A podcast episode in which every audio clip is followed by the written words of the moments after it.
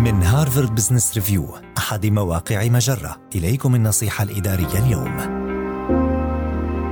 تدابير تحقق لك الاستفادة عند تباطؤ وتيرة العمل. إذا كنت تبحث عن الكيفية التي يمكنك من خلالها تحقيق الاستفادة القصوى في الأوقات التي تتباطأ فيها وتيرة العمل، فإليك بعض الاستراتيجيات لتحقيق ذلك. اجعل من بدء كل يوم بخطة واضحة هدفا لك. اكتب أهم مهمتين أو ثلاث مهمات أو أي مهمات أخرى تريد إنهاءها من على قائمة المهمات الخاصة بك.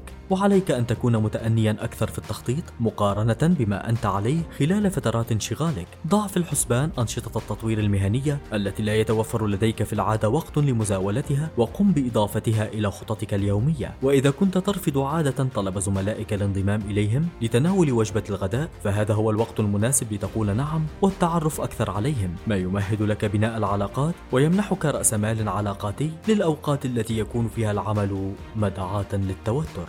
هذه النصيحة من مقال ما يجب عليك فعله حينما تتباطأ وتيرة العمل.